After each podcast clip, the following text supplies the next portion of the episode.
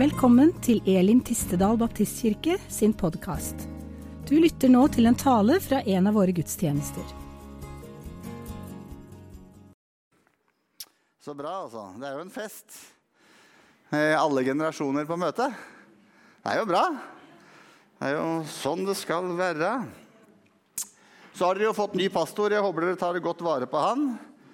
Eh, at han eh, At han på en måte får tid til å komme inn i den tjenesten som eh, Gud har kalt han til. Du vet at eh, skal, det er jo utrolig store forventninger til en pastor, altså. Det, det, det, det skal dere vite. Eh, han skal jo være passe stor på de fleste områder. Og eh, det var en pastor som var helt ny i menigheten, og han uh, dro, skulle, tenkte han skulle dra ut og besøke de fleste mennesker i menigheten da, for å hilse på de hjemme. Så dro han ut en lørdags morgen og banka på en dør, og ingen som lokka opp. Så han tenkte jeg må i hvert fall legge inn en beskjed for å vise at jeg har vært der. Så han eh, tok fram et, eh, et lite blad, og så skrev han eh, Åpenbaringen 3.20. Eh, og eh, la det da på døra. Og Neste dag så var det gudstjeneste, og når, når kollekten var tatt opp, så lå det plutselig en lapp oppi, oppi kollekten. Og på den lappen så, så sto det også en bibelhenvisning, og der står det 1. Mosebok 3.10. Og For dere som er gode i Bibelen, så vet, kan dere humoren allerede. Dere som ikke er gode i Bibelen, dere, vet at, dere kan høre at i, i Åpenbaringen 3.20 så står det Se, jeg står for døren og banker. Hvis noen hører min røst og åpner døren, vil jeg komme inn til ham og holde nadverd med han og han med meg. Og denne damen som da ikke var hjemme, den, han la jo ja, da igjen første Mosebok 3.10, og der står det Og han sa, jeg hørte stemmen din i hagen, og jeg ble redd, for jeg var naken og gjemte meg.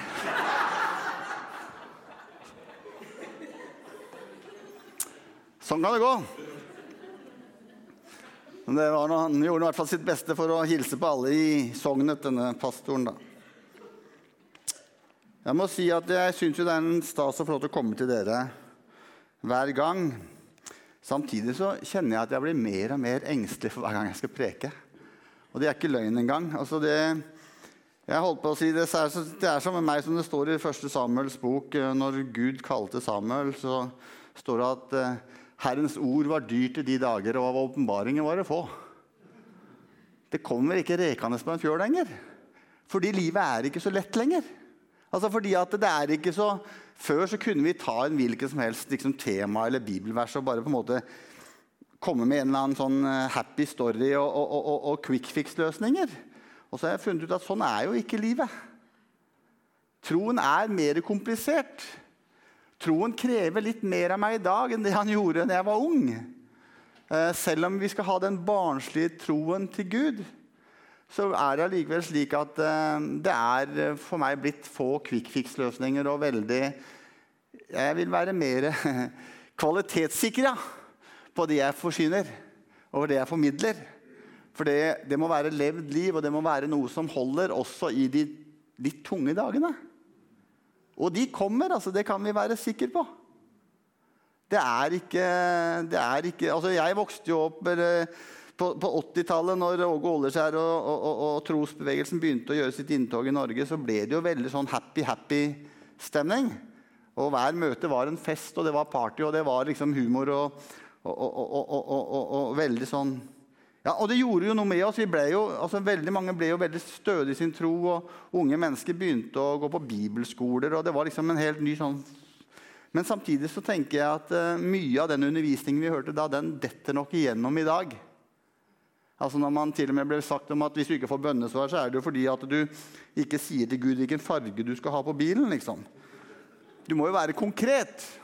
Han kan ikke gi deg en bil hvis du bare ber om bil, hvis du ikke ber om den skal være rød eller grønn. liksom. Det var jo på det nivået der. Veldig enkle løsninger. Og så er jo ikke livet sånn. Og Gud er ikke sånn heller.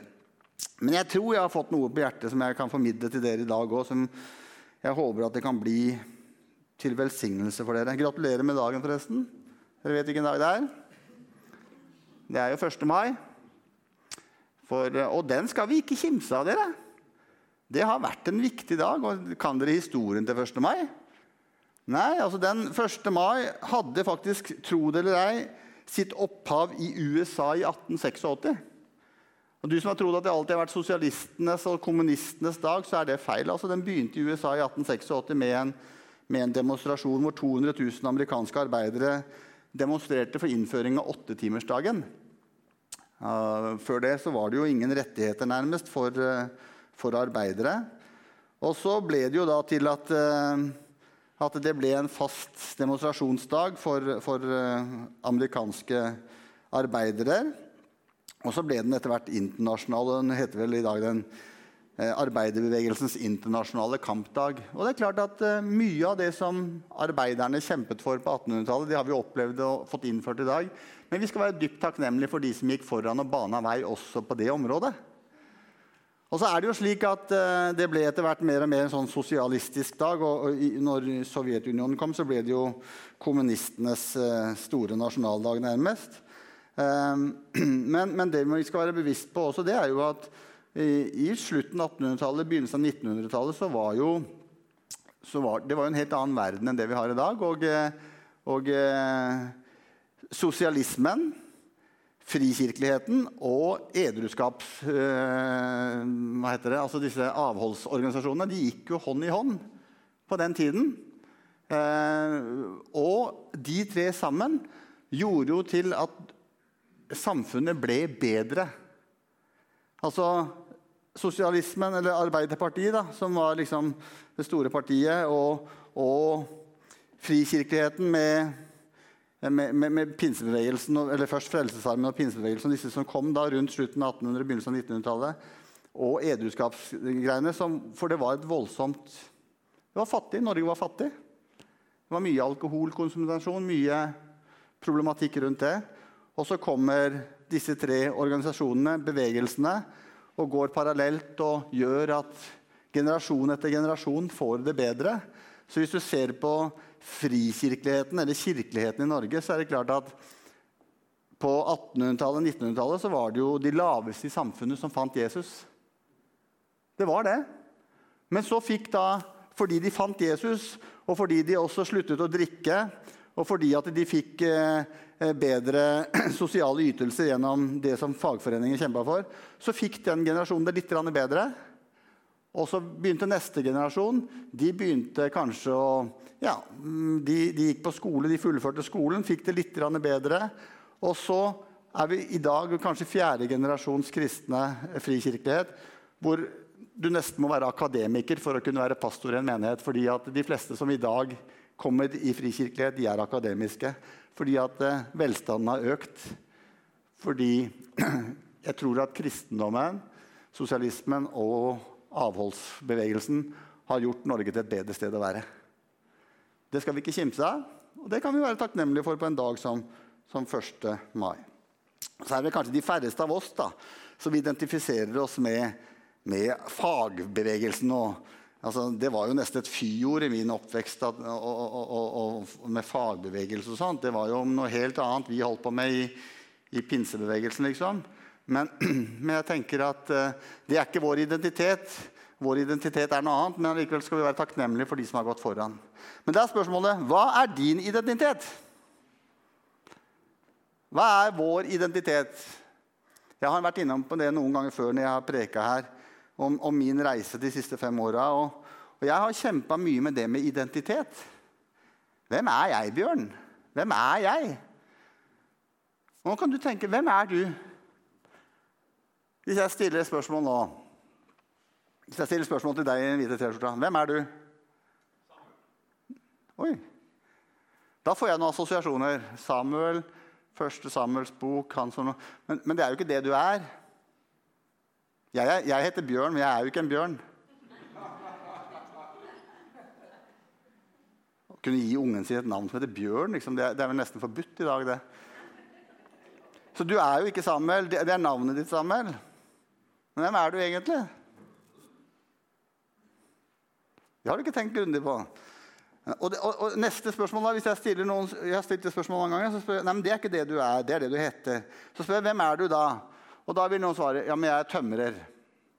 Eller jeg er lastebilsjåfør. Er det det du er? Er det ikke det yrket du utøver? Det er yrket man utøver. Dette handler jo om identitet. Og i dag så er det jo altså, er, det no, altså, er det noen av dere som har identitetsfaktor som heterofil? Er det noen av dere som går og tenker at jeg er heterofil? Nei. Men de som er homofile, de har identiteten sin i å være homofil. Og det blir jo veldig feil. Fordi det er jo ja, det er en del av livet ditt, kanskje. Men, men det, er det, det, er ikke det som gir deg verdi eller ingen verdi, liksom, om du er heterofil eller homofil.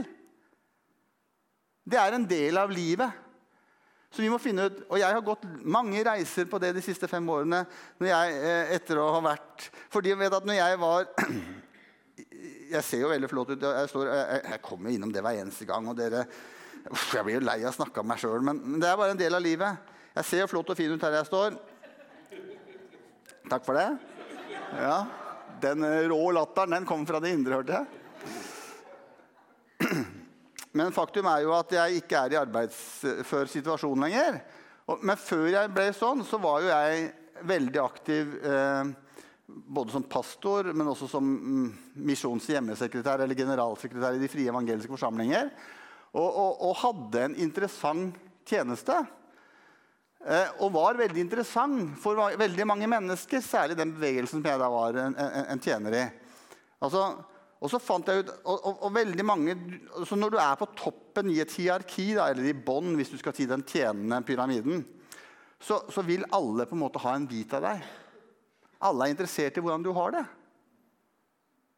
At, og da blir fort identiteten at jeg er generalsekretær. Men selv om ikke det var den identiteten jeg hadde, så var det den identiteten andre mennesker så på meg som. Og i det momentet jeg plutselig ikke var generalsekretær lenger, da var jeg bare Bjørn. Da var jeg ganske uinteressant for de fleste. Og det er faktum. Fordi da var, ingen, da, var det ingen, som spurte meg hvor har du vært nå, nå Bjørn? For jeg reiste jo halve verden rundt. Liksom. Jeg kunne være i Argentina en uke, og så kunne jeg være i Thailand neste uke. Liksom. og det var veldig interessant for folk å vite hvor jeg hadde vært, og hvordan det hadde gått. og hva som skjedde. og sånn. Plutselig så var jo ingen sånne ting å spørre meg om. Og, og, og, så når jeg da ikke lenger var en del av den, den for jeg lå jo bare hjemme i, i, i mørket og, og, og innkapsla i meg sjøl, liksom så var det jo veldig få som ringte. Og plutselig så var jeg på en måte Hvem er jeg nå? Det er ingen som bryr seg om meg lenger. For generalsekretær Bjørn han, ikke, han eksisterer ikke lenger. Hvem er vi? Og det tror jeg er viktig for oss som mennesker å finne ut hvem er jeg? Mange mennesker tror jeg som jobber i ja, Du har sittet i en lastebil hele livet, Kai. og og, og, og, har sikkert hatt et kollegialt fellesskap på noen måter. Andre har jobba på Nexans eller Saubruks, og, og, sittet rundt eh, kantina og spist og hatt det hyggelig. og ja, Vært en del av et miljø. Og så en dag så tar det slutt, og så er du pensjonist. Så plutselig så sitter du hjemme og spiser frokost og har ingen å dele med hvem du snakka med, eller hva du så på TV-en i går, eller hva du har opplevd. Altså, du sitter der plutselig helt aleine. Jeg tenker at Mange kommer da i en sånn krise. Hvem er jeg nå? Og I samfunnet vårt så er samfunnet vårt bygd opp rundt at alle skal yte. Alle skal med. Alle, alle er viktige. Alle skal bidra. Jeg vokste opp som Jeg har aldri gått i barnehage. For på 60-tallet, 70-tallet, da var kvinnens verdi den var verdifull ved bare å være hjemme og være husmor. Nå er kvinnen er ikke verdifull hvis ikke hun er ute og yter nå. Altså, Det har gjort en forandring da, i hele greia. Det var jo ingen på 50- og 60-tallet som snakka om at barn med Downs syndrom skulle aborteres, og vi skulle finne ut om noen hadde Downs syndrom. Nei, man tok imot dem. I dag så skal man gjerne Når Hege ble gravid som 44-åring, så var det jo et kjempe... Eller 43-åring var hun med vårt tredje barn, så var det et kjempespørsmål. Flere ganger ble vi stilt spørsmålet på, på sykehuset vil du ikke ha sånn der, eh, Hva heter det? Fostervannsdiagnostikk. Vi sa nei, vi trenger ikke det. Ja, men Er du sikker det er stor sjanse for at barnet kan ha en eh, genfeil? Uinteressant. Men det var nesten så vi ikke fikk aksept for det. For det skulle jo, altså vi vil jo ikke ha den. Verdien ligger, for det, det Et barn med Downs syndrom kan ikke produsere på lik linje med andre. Verdien ligger i å produsere. Det er det som gir mennesker identitet i dag. Og når, det da plutselig er, når en million mennesker er navere, da, så er det en million mennesker der som eller i hvert fall Mange av de går jo rundt da med en følelse av at vi er jo utrolig betydningsløse i dette samfunnet, for vi kan ikke bidra. Vi bare ny, nyter. Og jeg er en av dem. Men er det sånn det skal være? Er identiteten din hva du gjør? Nei. Derfor er det viktig å finne ut hva er vår identitet. Hva er det som gir meg verdi? Og jeg er fortsatt på leting for å finne det. altså. Og jeg er jo faktisk slik at jeg noen ganger fortsatt øh, kan øh, være hjemme. Altså Jeg kan være hjemme og, og sitte og se på en film. Se, eller nyhetsinnslag. Og så ser jeg mennesker som går i litt fine dresser kanskje, på et kontorlandskap. Og går bort til en, til en kollega og står og snakker, og så kan jeg begynne å grine. Kan jeg tenke Wow, så heldige de er. Fått å være med i et sånt fellesskap. Det må jo være verdifullt, liksom. Og det er jo verdifullt også. Um, og jeg kan fortsatt si til Gud kan, altså Jeg er klar for å hentes, Herre. Jeg er klar for å rykkes opp i sky. Og når jeg sier det til noen mennesker, så vet du hva folk sier til meg da? Ja, men du skjønner, Gud er brukt for deg fortsatt. Gud er brukt for deg fortsatt. Og det er jo godt å høre det. Men jeg tenker det er ikke først og fremst derfor Gud skapte meg, fordi han har brukt for meg. Du tror kanskje det? På arbeidernes internasjonale kampdag, så er du skapt for at Gud skal bruke deg som arbeider. Og veldig mange, også i kristne kretser, så handler det om at uh, vår identitet ligger i hva vi gjør i kjerka, i menigheten. I det kristne miljøet. Så ligger liksom identiteten der. Men eh, la det være sagt med en gang at vi er ikke skapt for å gjøre vi er skapt for å være. Ja. Og det prøver jeg å finne ut av, da. Så jeg trenger liksom ikke å høre at Gud har brukt for meg lenger. Altså, han, vil han bruke meg, så er det bra, det, altså. Men, men, det er ikke det som gir meg verdi. Jeg var så heldig at jeg samtidig med altså, Noen dager etter at jeg hadde hatt operasjon for, for prostatakreft og gikk med ja. Så, så, fikk jo jeg et barnebarn, et eh, sosiologisk barnebarn. Eh, og jeg sier jo at han og jeg vi gikk med bleier samtidig. Og det er blitt min, eh, min store velsignelse og min store liv da, i de fem årene. Så jeg, gikk jo og fant ut at ok, så, hvis jeg ikke er så mye annet, så er jeg i hvert fall bestefar. Og det er jo, ja, det er jo gull verdt. Altså. Det er det beste som kan skje det, etter bli nest etter å bli far. Hvorfor sier jeg alt dette her? Jo, fordi at uh, Identitet er så viktig vi, hvilken identitetsfaktor vi har. Hva er det vi relaterer til i vårt trosforhold? Og du vet at Det finnes et folk i Bibelen som heter jødene, som hadde og har en veldig sterk identitetsfaktor. Og Vi skal slå opp, og så skal vi lese i uh, ja, Zakarias, eh, Zakarias lovsang. Der sier Zakaria Velsignet er Herren Israels Gud. Han kommer for å hjelpe folket sitt. Han kjøper dem fri. Han reiser, oss, reiser opp et horn for oss. Han reiser opp en som skal redde oss. Han kommer fra Davids slekt, fra David, som var Guds tjener. Dette lovet Gud for lenge siden gjennom munnen til profetene, Guds hellige profeter. Han vil redde oss fra våre fiender. Han vil rive oss ut av hendene på alle som hater oss. Han viste nåde mot forfedrene våre. Han husket sin hellige pakt. Han lovet dette til Abraham, og Abraham er vår stamfar. Gud redder oss fra fiendens hånd. Nå kan vi tjene ham uten frykt. Det var Zakaria, altså far til Johannes døperen, som sa dette her når han hadde fått eh, Johannes i, sine hender og fått munn og mæle tilbake igjen. Og det var jo en veldig sterk bevissthet i det jødiske folk at de var Abrahams ett. De var Abrahams barn. Og med det så hadde de en løfter som de på en måte levde i forventning til. Um, løftene tilhørte Israel, Abrahams barn. Og i dag så vet vi at det gikk, det gikk for noen år siden jeg var og så på den eh, selv, en forestilling på Norske Teater var det vel, med Sverre Tindberg som het 'Abrahams barn'. Og som tok utgangspunkt i at jøder, eh, kristne og, muslimer er alle barn av Abraham, de tre store religionene. Eh, og hvordan eh, man så på disse løftene og, og, alt dette som, som, disse tre har sammen. da. Men det var en veldig sterk og er en veldig sterk identitetsfaktor for det jødiske folket at de er Abrahams barn.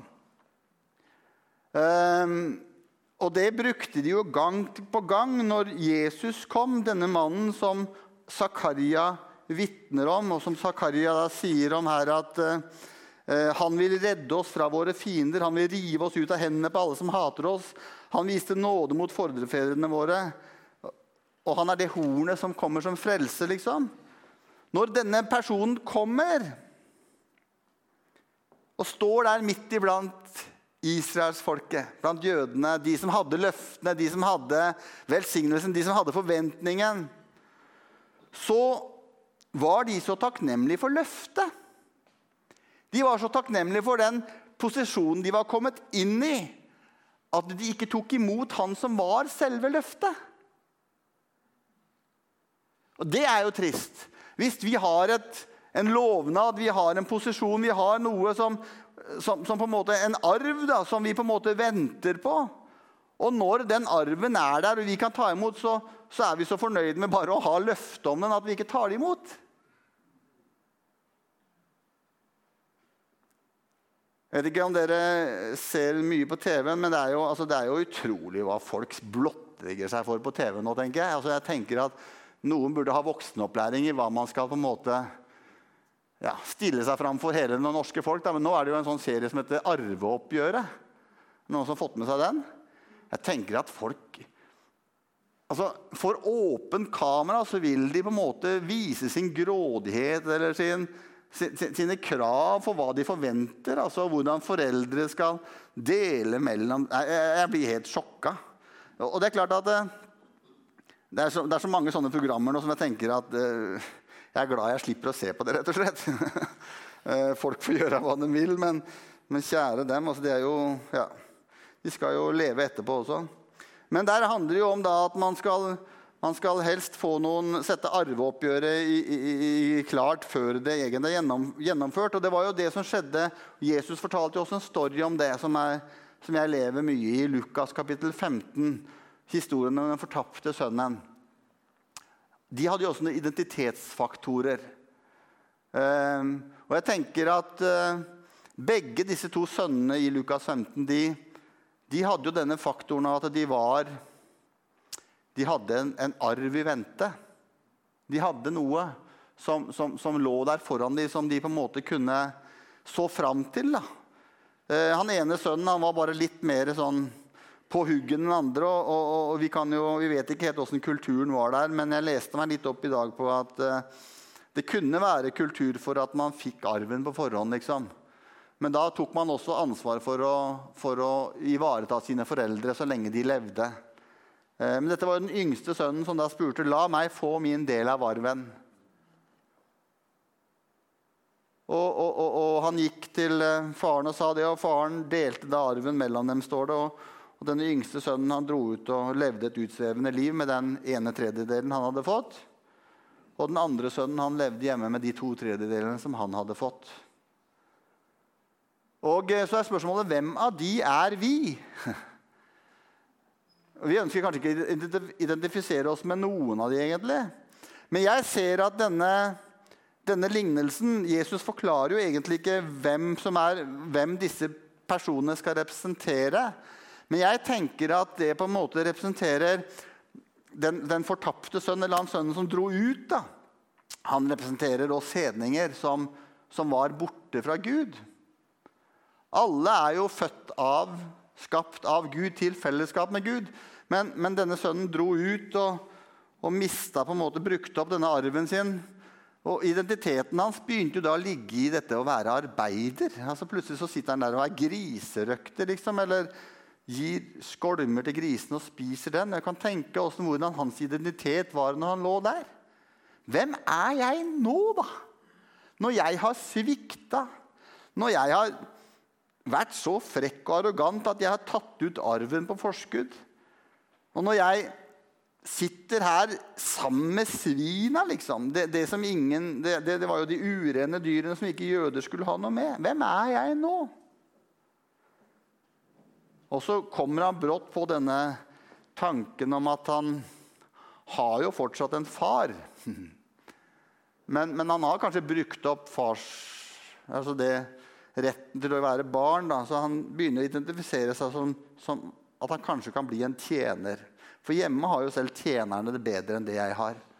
Det må jo ha vært en velstående far, siden han hadde så mange tjenere.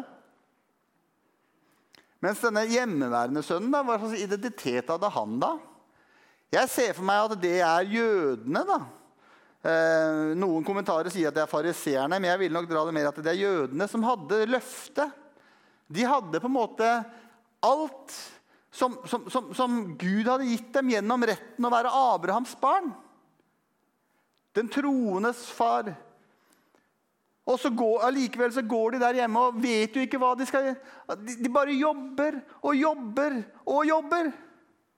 Og tenk deg hvordan han der sønnen, han eldste sønnen han, han blei jo så sint når denne broren kom hjem, og det blei fest og jubel, og gjøkalven ble slakta. Og så sier han, 'Her har jeg slitt og slept i årevis, og du har aldri gitt meg noen ting.' Han hadde jo fått to tredjedeler. Faren delte sin arv imellom dem. Men du vet at jeg tror at den eldste sønnen da, vi, han valgte bare å leve i løftet om at en gang skal det komme noe. Mens den yngste sønnen han fikk gjenoppretta og så at det ligger kanskje noe mer der enn det jeg forventer å få. Eller han forventa vel ingenting, men kom hjem og fikk bare alt. Han fikk bare en stor klem. Og han fikk ny kapp og nye sko og ring på fingeren. og Det var ikke måte på. Han fikk oppleve liksom hele herligheten. Fordi han ydmyka seg, og fordi han ikke identifiserte seg med å være på en måte bare en griseslakter, men han tenkte at 'jeg har en far'. Kanskje. Og han fikk jo oppleve da, barnekårets ånd som gjorde at det ropte sikkert 'Abba, far' i hans hjerte. Tror du ikke det?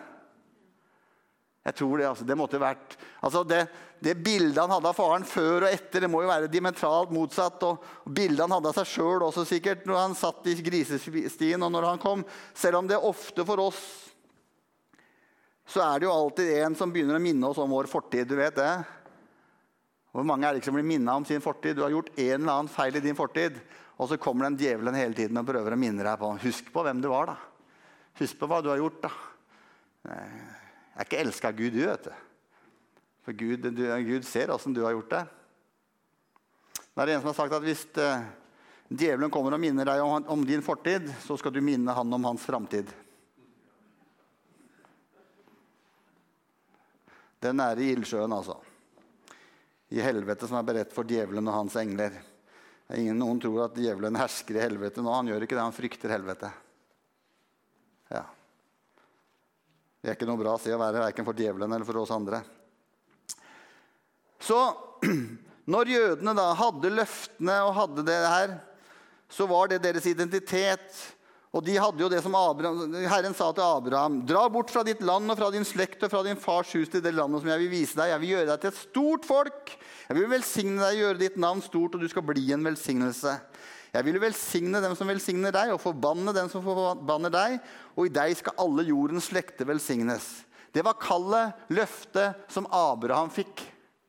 Et løfte om noe storveis. Fantastiske løfter. En nasjon skulle fødes. Alle jordens slekter skulle velsignes. Da sa Abraham, 'Å Herre, Herre, hvordan, hva vil du gi meg? Jeg går jo barnløs bort.' 'Den som skal overta mitt hus, er Elieser fra Damaskus.' Men Abraham sa, 'Meg har du ikke gitt et barn, å se, en som er født i mitt hus, skal arve meg.' Men da kom Herrens ord, og det lød så.: Denne mann skal ikke arve deg, men den som skal utgå fra ditt eget liv, han skal arve deg. Se opp mot himmelen og tell stjernene hvis du er i stand til å telle dem. Og han sa til dem, slik skal din ett bli. Og Abraham trodde på Herren, og han regnet ham det til rettferdighet. Et løfte som er så stort, så voldsomt at vi ikke kan fatte det. For en mann som ikke hadde noen ting. Og så begynte jo Abraham å jobbe litt på egen hånd. da. Sånn som vi kanskje ofte gjør, vi også. Prøver å hjelpe Gud litt innimellom. Så han, når løftet drøyde, så tok han Hagar, tjenestekvinnen, isteden og gikk inn til henne og, og fikk Ismael, trellkvinnens sønn. og Det blei jo bare problemer seinere. Og er problemer fortsatt i dag som en konsekvens av Ismael, trellkvinnens sønn, og Isak, som var løftets sønn, som kom noe senere. For Gud hadde jo tenkt å gjennomføre sin plan. Gud har aldri lovet noe som han ikke holder. Amen. Gud har aldri lovet noe som han ikke holder. Noe helt annet er at det kan komme fram 'så sier Herren' i menigheten, eller noen kan komme til deg med en profeti som er mer menneskelig og kjøttlig enn det er kanskje Gud som sier. Det er noe helt annet. Men det Gud har sagt, det står han bak. Altså, det har vært så mange løfter og profetier om jeg var i Bergen, og det var ikke måte på hva Bergen skulle bety for Norge og Europa i vekkelse. og Det skulle tennes bønnefyrtårn. og Mange hadde veldig mange tanker om hvordan Gud skulle bruke Bergen som et utgangspunkt for, for vekkelse. Det skjedde jo ikke. Det er ikke fordi Gud tok feil, og fordi mennesker tok feil. For det Gud sier, det blir gjennomført. Åkke sånn. Så vi må holde fast på løftet. Og han som ga løftet, han er Amen. Han er det. Men vi bare holder fast på de riktige løfter. Og Abraham fikk jo oppleve at han fikk disse løftene oppfylt, og han blei ble jo far til mange barn. Og eh, så kommer vi til Jesu tid, og Jesus begynner å formidle sin teologi, sin lære, til mennesker.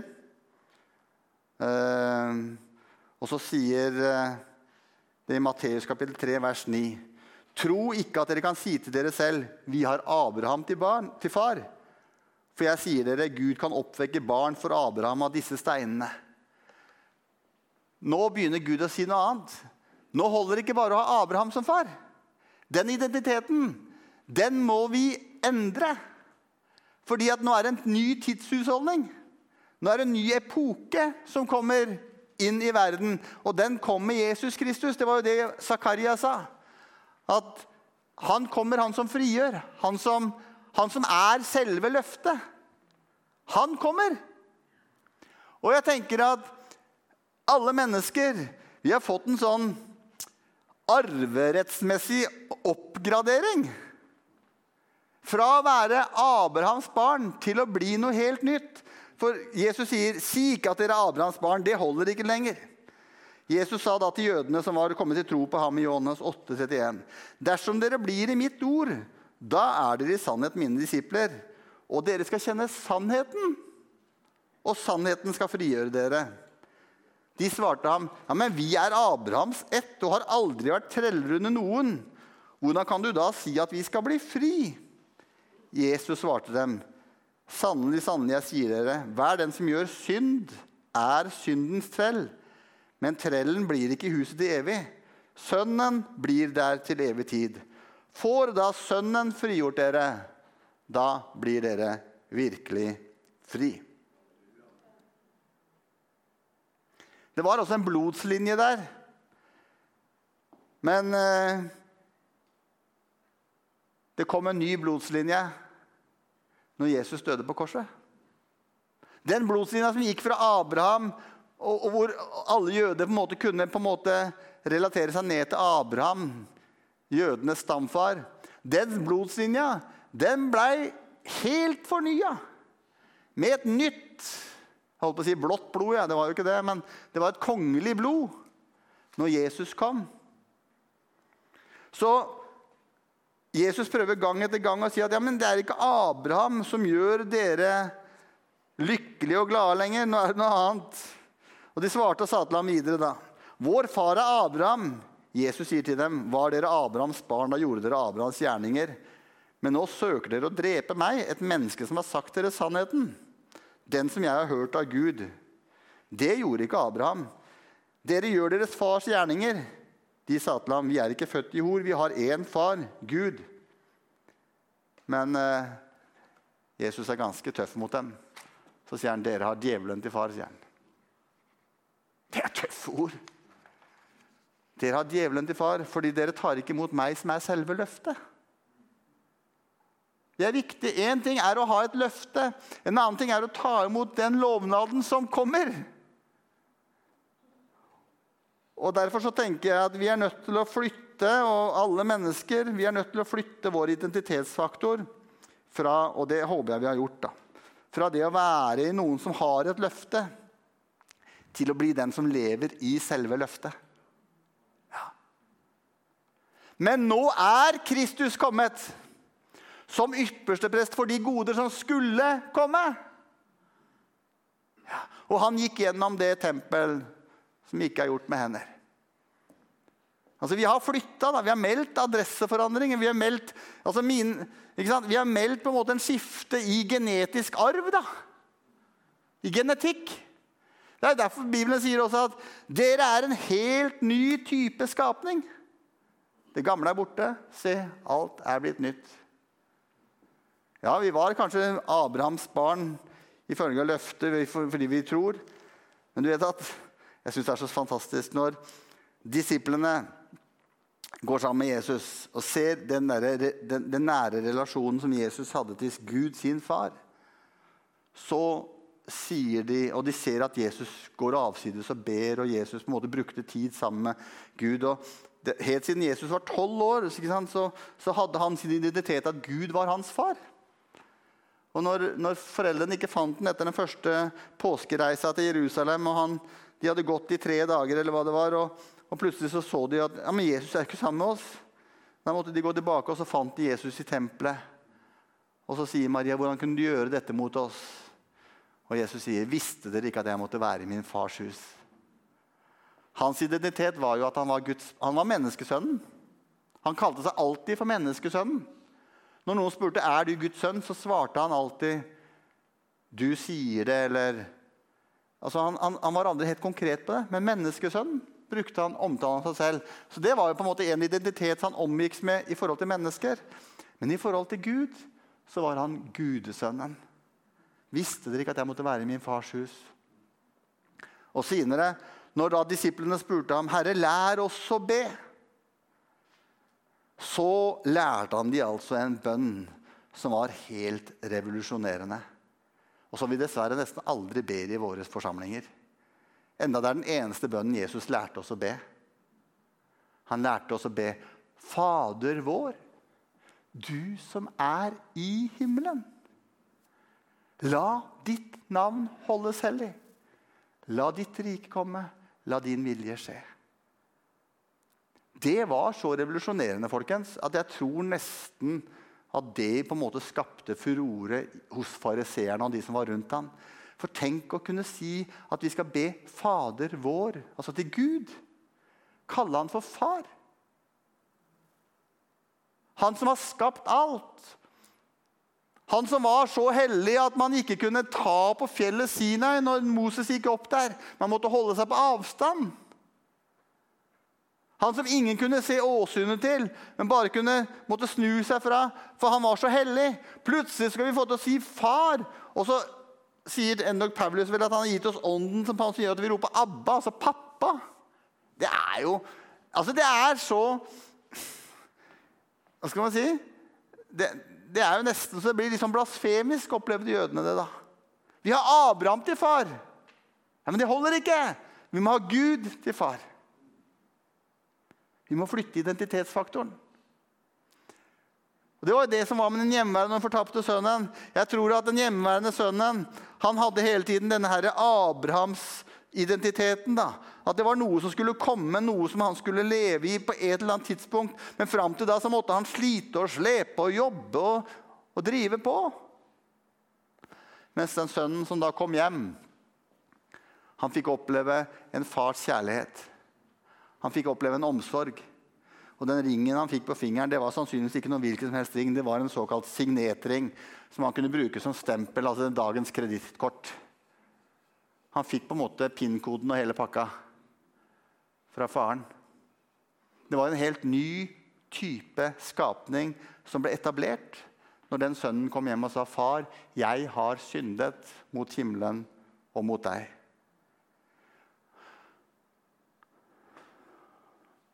Og jeg tenker at Det må være vår identitet, kjære venner. I 2022 så er det Far, vi har synda mot himmelen og mot deg, men vi har fått et gjenopprettelse. Vi har flytta arverekka fra Abraham og til Jesus, altså. Og vi har fått Vi er Kristi medarvinger. Tenk på det. Kristi medarvinger. Og så har vi fortsatt, da en bolig som er i vente. Hører dere Kristus til, er dere Abrahams ett og arvinger ifølge løftet. Og så sier Jesus da i Matteus 25, 34. Da skal kongen si til dem med sin høyre hånd Det er fra 1930-oversettelsen. Kom hit, gi min Faders velsignede arv det rike som han berettiget fra verdens grunnvoll ble lagt. Så det er en arv som er i vente for oss som tror. Det er det rike som er beredt. Vi venter ikke et jordisk rike. Det var jo kanskje det som var jødenes store problem. At de ventet et jordisk rike som skulle oppfylles, og at han skulle gjøre det komme på den måten de forventa det. Han kom ikke på den måten de forventa det. Han avsatte ikke Herodes Romer, eller, eller Romerriket, men han oppretta noe som var helt nytt, noe helt annerledes. Og dermed så ble det litt sånn problematisk for en del jøder. Men alle dem som tok imot ham, de ga han rett til å bli Guds barn. De som tror på hans navn. Det er så bra. Og det gjør jo at vi er her i dag som Guds barn. Vi lærte, vi lærte mange merkelige sanger på søndagsskolen i min barndom. Gud vil jeg skal være et solskinnsbarn og vær forsiktig, lille øye, hva du ser. Men vi lærte også en sang som vi kan synge. Jeg er kongens barn, og min sjel lovsyng. Hvilken skatter i himmelen du har. Hver øye har sett, Gud for meg har beredt, og hans arv har jeg i forvar. Jeg er barn, jeg er barn, barn til himmelens Gud, Jesu dyre kjøpte brud. Og jeg er det alt nå. Jeg er barn, det er just hva jeg er. Det er bra. Dette skjønte ikke jeg. Jeg skal avslutte nå, så jeg har holdt på lenge sikkert. Dere må henge klokka der, så ser vi bedre. og det ser ikke bort. Men uh, mitt uh, forhold til Gud, det endret seg 16. april 1995. Det var første påskedag. Da sendte jeg en faks på den gangen var det en faks vi hadde, til vårt land i Norge. Vi bodde på Grønland. Jeg sendte en faks hvor det stod 'Første påskedag'. Jesus kom ut ifra graven. Malik Kristoffer kom ut ifra maven. Det kom ikke inn i vårt land. Det sto 'Malik Kristoffer ble født'. Sto det bare. Men jeg fikk min førstefødte. Og det hadde vært en lang kamp. Vi hadde hatt syv spontanaborter over elleve år. Eh, og vi, Hege hadde vært veldig dårlig i svangerskapet mange ganger. Eller, og nå var det ekstremt ille. Det var 16 times fødsel. Det var mye trøbbel. Han ble tatt med tang. Eh, men når jeg da sto med det barnet der 16.4.1995, klokka åtte om kvelden Et barn full av talg og blod og flat i huet, var jo alt annet enn pen. Jeg har tre barn. Ingen av de barna er pene når de blir født. Ingen må si at det er pene barn som blir født. De blir pene noen timer etterpå. Men uansett, når jeg sto der med den lille krabaten i henda Wow! Det forandra hele meg. Det var et før og et etter, rett og slett. Da kjente jeg den lille krabaten som bare har skapt trøbbel. og som framover er totalt og kommer til å endre vårt liv helt eh, revolusjonerende. Jo, vi er jo totalt opptatt med han hele tida. Og, og, og, og, barn de, bare, de gjør tre, tre, ting. De spiser, griner og driter. Det er jo det de gjør de første årene, eller første månedene. Og med den kroppen der, da Klipp av navlestrengen. Det var talg, det var blod, det var grining, det var flate huer. Det var helt Så kjente jeg bare Wow, for en kjærlighet. Jeg elska. Betingelsesløst. Jeg kunne gå gjennom blod og ild for den lille kravaten. Og da skjønte jeg det er Guds fars kjærlighet. Hvis jeg elsker den personen sånn, som er et ufullkomment menneske med alle mine feil og mangler, hvordan kan da ikke Gud elske meg? Da fikk jeg oppleve Guds fars kjærlighet. Da hadde jeg tjent han i fem år på Grønland som misjonær allerede og prøvde å gjøre han tilfreds. Så skjønte jeg at det er jo ikke det det handler om. Så blei han mitt barn, Malik, og så, andre, og så kom andre gutten, som dere kjenner, Simon. Han, han kom jo 23 måneder etterpå. Han kom jo som en eh, røyk. altså Vi fikk jo ikke kommet på sykehuset på Fredrikstad før han kom ut. Og siden har det jo gått i ett hele tida. Du ser jo liksom bare eksosen som ryker etter Simon når han går. Og jeg var så redd når vi fant ut at vi var gravid med andre mann. Så sa jeg til Hege Hege, jeg er så redd, for tenk hvis jeg ikke klarer å elske Tenk hvis jeg ikke klarer å dele den kjærligheten jeg har til Malik, på, på en til. Tenk hvis jeg kommer til å gjøre forskjell. At jeg må dele den kjærligheten. Jeg vet ikke om jeg klarer det, for jeg elska Malik så mye. Og så kommer Simon, og så står jeg med han i hendene. Og så Wow. Ja, Men den kjærligheten skulle jo ikke deles på to.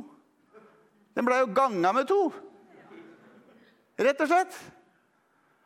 Og så går det elleve år, og så jammen så sier ikke Hege engang at jeg, da var jeg 44 år og sier jeg tror jeg er gravid. sa Da sier jeg til Gud, Gud, hva er det du driver med?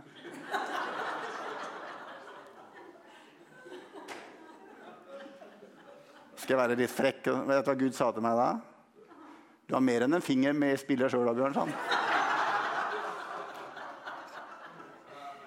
Jeg måtte gi ham rett i det. Og da begynte jeg å søke på abort og alt mulig. Da tenkte jeg at jeg er ikke klar, herre. Å, det er som å spille ludo. Du står rett foran du med alle fire brikker oppå hverandre og skal inn på den røde feltet. liksom, og du er ferdig, og nå er vi ferdig med å spille, liksom. Og så blir du slått inn, og så er det rykk tilbake til start. Passerer du mål, får du ikke 4000 kroner eller 2000 kroner. Men så kommer denne lille frøkena, da. Og så kjenner jeg bare igjen Wow, for en kjærlighet. Wow. Og sånn er Gud, dere. Sånn er det å være Guds barn. Om de går på noen smeller, og om de gjør noe gærent, og om de ikke tilfredsstiller meg i alle behovene mine, så elsker jeg det like mye. Ja. Det er å være barn. Det er å være far. Det er å være en kristen. For så høyt elsket Gud verden at han ga sin sønn. Så vi er ikke lenger Abrahams barn, men vi har fått oppleve å bli kongens barn, Guds barn. Og Det kan dere ta med dere ut på en søndag når dere skal ut på tur ut i det fine været. Sant? Så kan vi fryde oss over Det Det er identitetsfaktoren vår. Ja. Så handler det ikke om hva vi gjør eller driver med, eller hvilken tittel vi har, eller om du heter Bjørn eller Ulv, eller hva det heter. Takk, himmelske Far for at du er far til alt som kalles barn i himmel og på jord. Og takk at du har gitt oss som tror, Herre, barnekårets ånd og arverett. Be jeg for enhver som er her i formiddag, at vi skal få til å kjenne det, Herre, at uh, den ånden som roper 'Abba, far', den er til stede i hjertet vårt. Og at det er det som er vår identitetsfaktor. Så det er så mye som kan gå gærent, Herre, så mye som vi kan gjøre feil, og så mye som kan svikte. Og vi svikter, Herre. Men takk for at løftet det står evig fast. Takk at det holder gjennom alle skiftende tider, Herre. Så du ser om noen strever litt med sitt forhold til deg, så bare ber jeg Herre om at det må komme på plass i formiddag. At de må få se seg elska ubetinget på tross av alt, Herre. Amen.